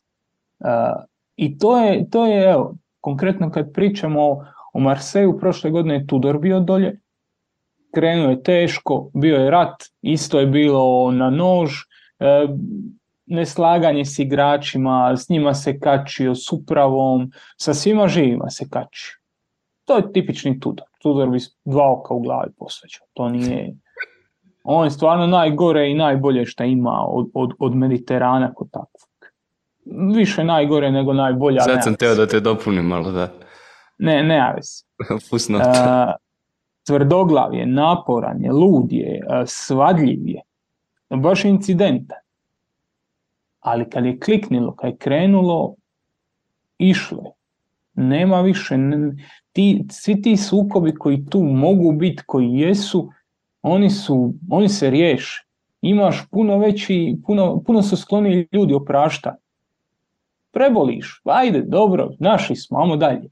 A, I to je ono što ovakve klubove izvlači. I kad pogledaš i Barcelonu isto, mi Barcelonu gledamo ovdje zadnjih 10-15 godina kao nekakav super klub, a i van toga, oni 15 godina prije toga, pa onda 90. kraj 80. To je klub koji je uvijek na, na, na rubu nekog kaosa, koji je na rubu, na rubu totalnog cirkusa. Uh, spomenuli smo Hajduk, Marseille, Napoli, ne treba tu puno da zapale atmosferu, ne treba tu puno da sve ode ili pozitivno ili negativno. Ali za razliku od, od ovih dosadnih, običnih, kontinentalnih klubova, ja mislim da, da, da tu postoji taj kapacitet uh, za nešto veće, za neko praštanje, za neke, za neke za neke situacije u kojima se događa sinergijski efekt i u kojim ti klubovi postaju bolji nego šta jesu. Kad pogledaš Marse ove godine, jasno ti je da toga nema. Jasno ti je da, da, da su, ne možeš ti ići mijenjati to. E, meni je prijatelj bio na, na, ovome, na jednom seminaru u, kako se zove, u Barceloni. Sad je bio tamo rad s djecom, e, klinci, ovo ono, e, prvo što su ga tamo učili, znaš, djeca se izražavaju svoje emocije dodirom, ovo ono, i imaju kao pravilo da za nakon početka treninga ide zagrljaj, nakon kraja treninga ide zagrljaj, u sredini treninga kad neko napravi dobar potez, djeca se grle, ovo ono. Sad je on to donio u Dalmatinsku Zagoru, nametnuo djeci. Zvuči dobro, da. I nije sad to, znaš, djeca su ga malo čudno gledala i sad je tu prošlo par dana i on je stao njih, pitao kao šta mislite o tome. Na tomu ja mali kaže, nismo mi pederčine. I ovaj stane i ono, ništa mu jasno dalje nije. Kaže, nismo mi pederčine da se grlimo, možemo dati pet i to, to je to dodira šta imaš. E, šta ti želim reći? E, dosta teško je mijenjati takvim klubovima a, kulturu koja imaju, ili ne kulturu, nazovi to i to kako god hoćeš, ali tu neku auru koju imaju oko sebe, rijetko kad neko to uspije promijeniti. Ja mislim da je, da, da, da je kod Olimpika su navijači upravo taj način razmišljanja, da su oni sastavni deo upravo te klubske kulture i percepcije svih nas, kako mi njih vidimo. Mislim, to jeste na rubu, uvek na rubu incidenta ili sa one strane, jel, incidenta, i nije normalno svakako da, da neki navijač koliko god uticajan bio, a ovaj, ima više od 50 godina i tu je aktivan 40 ili koliko već, nije normalno da šalje ono preteća pisma i pret ljudima da će da ih pobije. Naročito to nije normalno u, u kontekstu u kom prošla sezona nije bila uopšte loša za, za standarde Olimpika kad gledaš na primjer poslednju deceniju, ali svakako Čo, to je čovječ, sad... oni su bili oni su bili treći na tabeli u trenutku kad je haos nastao ove godine, Tako, ne tako, prošle, tako. nego ove Tako godine su bili treći na tabeli u trenutku kada kada kada oni upadaju na ovaj sastanak i, i prete da će ovaj pobiti Čini, sve. mi- či- čini mi se da je, da, oni su prvo poslali pismo gde su im dali neki rok, imate četiri kola da, se pri, da, da dođete sebi, da, da razmislite o svom ponašanju, pa ćemo onda da vidimo i onda kao prošla su ta četiri kola, ne znam šta ovi nisu uradili. Mislim da je komentator tokom utakmice Ajax Olimpik baš rekao da je uh, o predsednikovanje ovog Pabla Longorije, mislim da to, to Da. je ime prezime, pogodio sam. Znam u ove direktore, ali njega, njega nikako ne mogu da zapamtim. Uh, Mislim da je, da je čovjek rekao u prenosu da je njegov saldo bodovni zapravo veći od svih predsednika u, u ovom veku. Da, da. I, I oni su, znaš, pitanje je šta ti postaviš sebi kao cilj, šta ti hoćeš od kluba i veliko je pitanje šta oni hoće od kluba. Kako ti, Vlado, spominjao si da ćemo se baviti i drugim vlasnikom e, Dodgersa, ali tako? Tako da mislim da, da. da je trenutak. Pa bi ovako, uh, Pablo Longoria jeste uspešniji od svih, ali uh, njegov preth, prethodnik Jacques-Henri Eru, koji je bio onako vrlo specifičan lik, on je prekinuo neke silne ovaj, tradicije tamo, ali se super razumeo sa njima iz prostog razloga što je ekipu koja je bila on 13-14 doveo dotle da budu vice šampioni Francuske, da igraju finale ovaj, e, Lige Evrope, odjednom vratio ih je tamo gde je obećao da ih vrati i on je prvi čovek koga je a, vlasnik e, Frank McCourt doveo da, da, da, da vodi ekipu. Njega su oterali tako što su mu upali 300 ljudi, mu je upalo i popalilo pola trening centra ovaj, jer im se nije dopalo kako te godine igraju. Dakle, čovjek ih je pet godina vodio, četiri i po, za te četiri i po godine je postavio e, ruinu, je vratio na mesto i napravio od njih opet respektabilan klub i oterali su ga. Tako da šta je Longoria uradio, nije, nije, nije bilo toliko dramatično različito u odnosu na, na ono pre toga. On jeste bodovno bolji i on ih jeste malo više primakao, ovaj, i gurnu, a mislim, ovo, ovo ih je vratio u Ligu šampiona, vratio ih je svuda, dakle, napravio od njih respektabilan klub nakon što to nisu bili. I to nije bilo dovoljno. Uh, Izgleda moramo- ne znaju za oproštaj da, kako... mi, mi moramo da, da razumemo prvo okolnosti. Okolnosti kažu ovako, uh, većina velikih klubova, ovi engleski su ono praktično sprečili parama da, da ovi huligani dolaze na stadione, jer jednostavno nemaju pare da, da, da plate kartu. Uh, Real je uh, Ultrasur zabranio odavno. Barcelona je svoje Almogaverse i ove ostale Boyce Snoje zabranilo odavno. Pariz je većinu svojih huliganskih grupa zabranio odavno, je li tako? Ne, ne, bukvalno oni, oni ne smiju da uđu na stadion. Ovi što dolaze sada su Ali- male, male mace i idu Ali rade downstream. u, u Parizu, jel? Oni rade okolo, ali ne smiju da dođu na stadion. Olympic Marseille ima 15.000 registrovanih članova svojih ultra grupa. Znači ne klub navijača, nego komando ultras toliko i toliko, ovi toliko i toliko. 15.000, pet grupa ima sa 15.000 registrovanih članova. Dakle, to je više nego što pola francuske lige ima uh, ovih pretplatnika. Oni toliko imaju članova ultrasa. Ok, mislim, mi imamo ovde pri, primjer Torcide gde je li svi su Torcida i Dida i ovaj i onaj, ali kako se zove, ali Prgava familija. pričamo o zapadnoj Evropi, o, o, o, o njihovoj konkurenciji koja e, pokušava da drži stvari onako pod kontrolom i onda imaš klub koji je pritom najveći klub u zemlji, M je najpopularniji, M je istorijski najtrofejniji, M sve ostalo, koji ima 15.000 ultrasa registrovanih. To su ljudi koji su došli, kad si pričao to Ajax, Marseille, bla bla, pogledaj na što je ličio Amsterdam kad, kad su oni stigli u Amsterdam pre neki dan. A pritom su to isto radili u Londonu. Znaš, ukucaj, ne moraš ništa dalje, ukucaj Google Marseille fans, ništa više. Znači, samo ćeš videti incident uh, 14. incident 15. incident 18. incident 21. incident 22. Zapalili ovo, igraju pred praznim stadionom, prekinuta utakmica, neće se igrati utakmica. Znači, bukvalno samo to. Ništa, ne, ne moraš da ulaziš, ne moraš da ukucaš ništa incidentno u naslov. To, bukvalno ni za jedan klub na svetu to tako ne funkcioniš. Dakle, oni su ono, baš su, baš dramatično doživljavaju svoju ulogu u klubu i preuzeli su klub na taj način da apsolutno sve mora da se dešava šta, kako oni hoće. Njihov glavni problem za ovu sezonu je zapravo što je Ajax, što je Pablo Longoria konačno uspeo da dovede čoveka kojeg sve vreme želi da dovede. Doveo je čoveka koji je njemu dao prvi posao u Elbi koliko ima, 17 godina i, i dali su, do, doveo čoveka u koga veruje zato što je realno dobar trener Marcelino je dobar trener, Marcelino je neko ko je čovek futbala, ali mentalno Marcelino je čovek koji ne voli sukobe. Marcelino je čovek koji nema problem da se suprostavi svakom na terenu, ali čim vidi bilo kakvu frku oko terena, on ne želi tu. I od svih gradova na svetu, njega je drugar njegov doveo u Marsej. I šta se dešava sada? Kao što rekao, kreće sezona, oni nemaju poraz u ligi, pet utakmica, treći su na tabeli dva boda od prvoplasiranog, pritom igraju s njim za dva kola.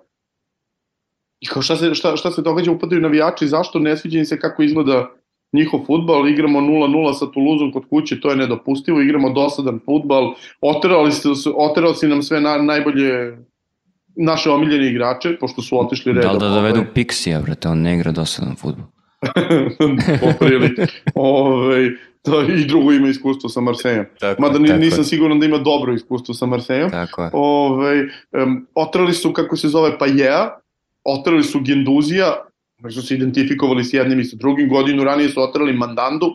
Mislim, Marse i, i uh, demografski jako specifična sredina, jedna ultra multikulti sredina gde ono, svega i svačega ima i svi su dobrodošli, svi su domaći, ako su, što kaže Miho, naši. Ako nisu naši, ako, ako nećeš sa nama, u problemu si u startu. I, i e, umeli su da se posuđaju sa svojima. Sećamo se šta je bilo sa Kantonom kad je odlazio iz kluba, jer se posuđao sa upravom kluba i gde su oni stali na stranu uprave. Kantona se pokupi i otišao. Čovjek koji je ono ponosni građanin Marseja, mnogo ponosni građanin Marseja nego državljanin svoje zemlje. Znaš, mnogo je teške situacije, mnogo su čudni izbori napravljeni, Ova rečenica koju si izgovorio mislim da je ključna i to je jedno, jedino pitanje koje smo dobili na tu temu, a Miho je savršen sagovornik da nam na to odgovori.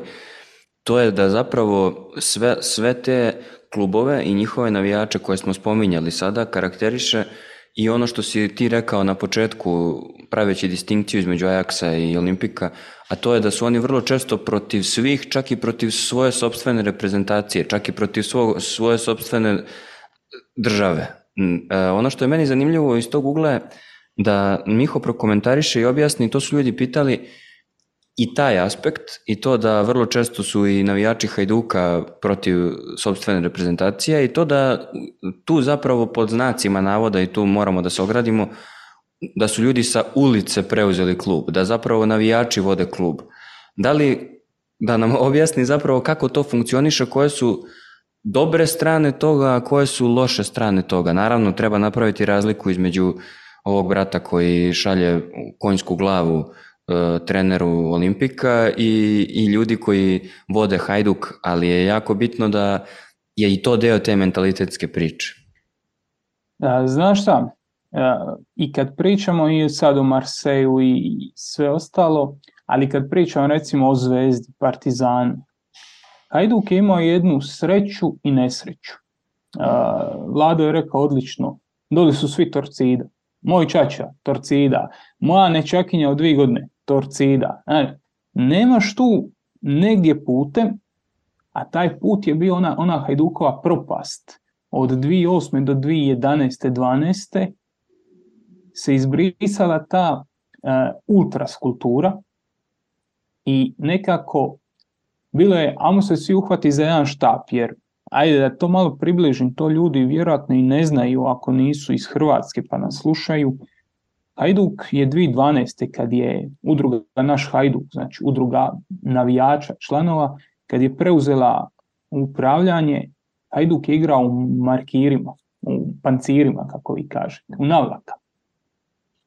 Oni su igrali trening utakmice jer nisu mogli igrati niti prijateljske. Bili su blokirani od UEFA, nis, nisu mogli igrati, mislim da se igralo protiv Celja u, u Sloveniji, da nisu mogli niti igrati u dresu. Bili su zabrani, bili su blokadi. I u tom trenutku ti nemaš, e, ti nemaš manevarski prostor za pizdari. Ti ne možeš bacati baklje, ucijenjivati. Koga ćeš ucijenjivati, nemaš koga ucijeniti. I dogodio se, dogodio se taj moment da, da danas Hajduk organizacijski izgleda puno bliže Bayernu nego Marseju. Izgleda puno bliže Bayernu nego... Zato sam ti pitao, da. Zato nego, je pitanje recimo, stoji. Partizani i Zvezdi. E, Hajduk ima 100.000 članova. Tu ima nešto maloljetnika ono, ali imaš barem jedno 70 tisuća ljudi koji mogu na izborima birati članove nadzornog odbora, gdje to nisu aktivni navijači. Da bi ti bio član nadzornog odbora, tebi treba fakultet, tebi treba, trebaš imati, e, da bi se uopće mogao prijaviti na te poslove nadzornog odbora, ti moraš zadovoljiti jako stroge kriterije. 10 godina upravljačkog iskustva, Znači moraš imati ili svoju firmu ili se baviti, e, ne znam, si profesor na nekoj katedri, moraš imati završen fakultet, moraš e, e, biti član Hajduka više od nekoliko godina i tek oni koji zadovolje sve te kriterije mogu ući u nadzorni odbor. I onda oni biraju upravu predsjednika kluba i predsjednik kluba dalje bira svoje direktore itd. itd. Kad se kaže to ulica vodi klub, to je kod nas ostala nekakva difarmacija koja je došla iz, da se ne lažemo, kuhinje Zdravka Mamića. Da, da, zato sam ja to i postavio pitanje da bismo po, ono, jasnu razliku postavili između toga šta znači kad ulica vodi Olimpik i kad ulica vodi Hajduk. I sad dolazimo do toga da je to navijačko upravljanje, taj socios model koji je u Splitu, koji je u Hajduku, gdje su vlasnici, gdje su navijači, ta udruga, naš Hajduk, gdje je vlasnik velikog dijela dionica, gdje upravljaš klubom, gdje je klub e, financijski pozitivan, gdje je klub kada ga usporediš gdje je sad, gdje je bio 2012. 13. izašao iz e, bankrota bez ikak, nekakvih e, političkih ustupaka, izašao iz bankrota sa bezbroj klipova koji su bacani pod noge.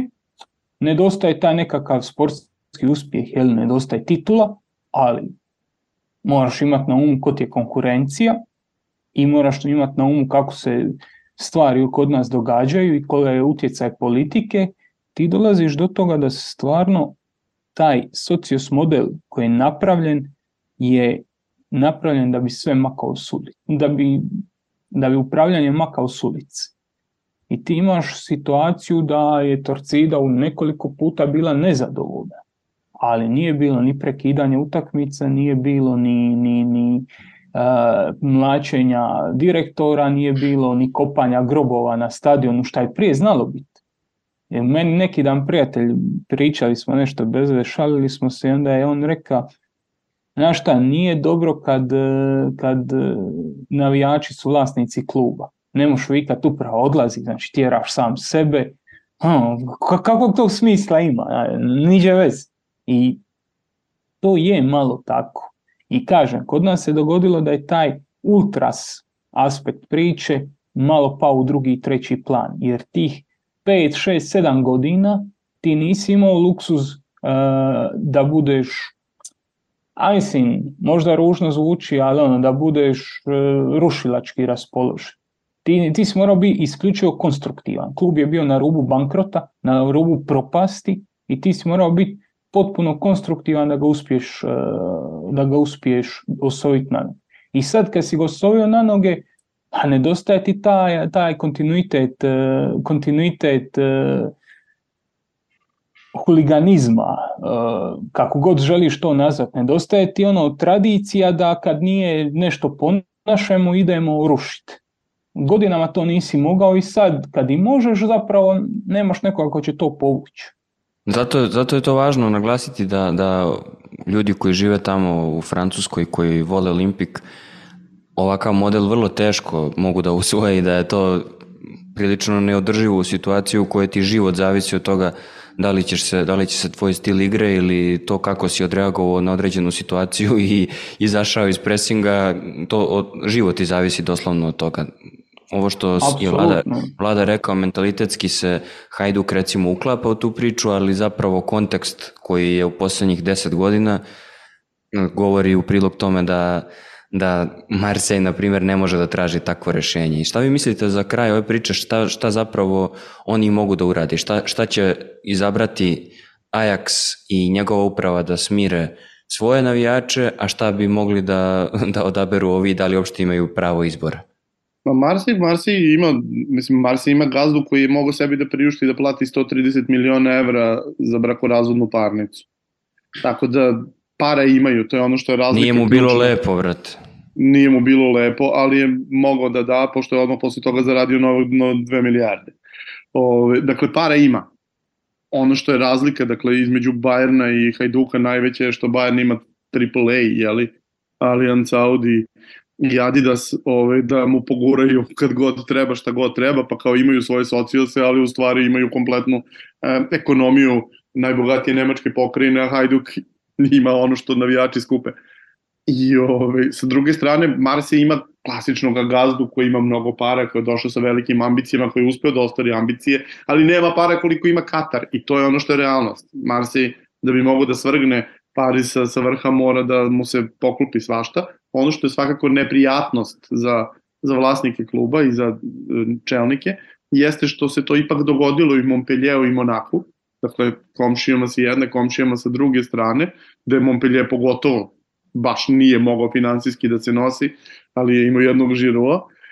Ove, i, I kako to da se nikada ne desi baš Marseju da uspe da svrgne Paris, to je sigurno nešto što je pritisak. Međutim, nije da baš mnogo stvari može da se desi. U Marseju neće biti bezbedno, u Marseju će ovako izgledati i za 5 i za 10 godina.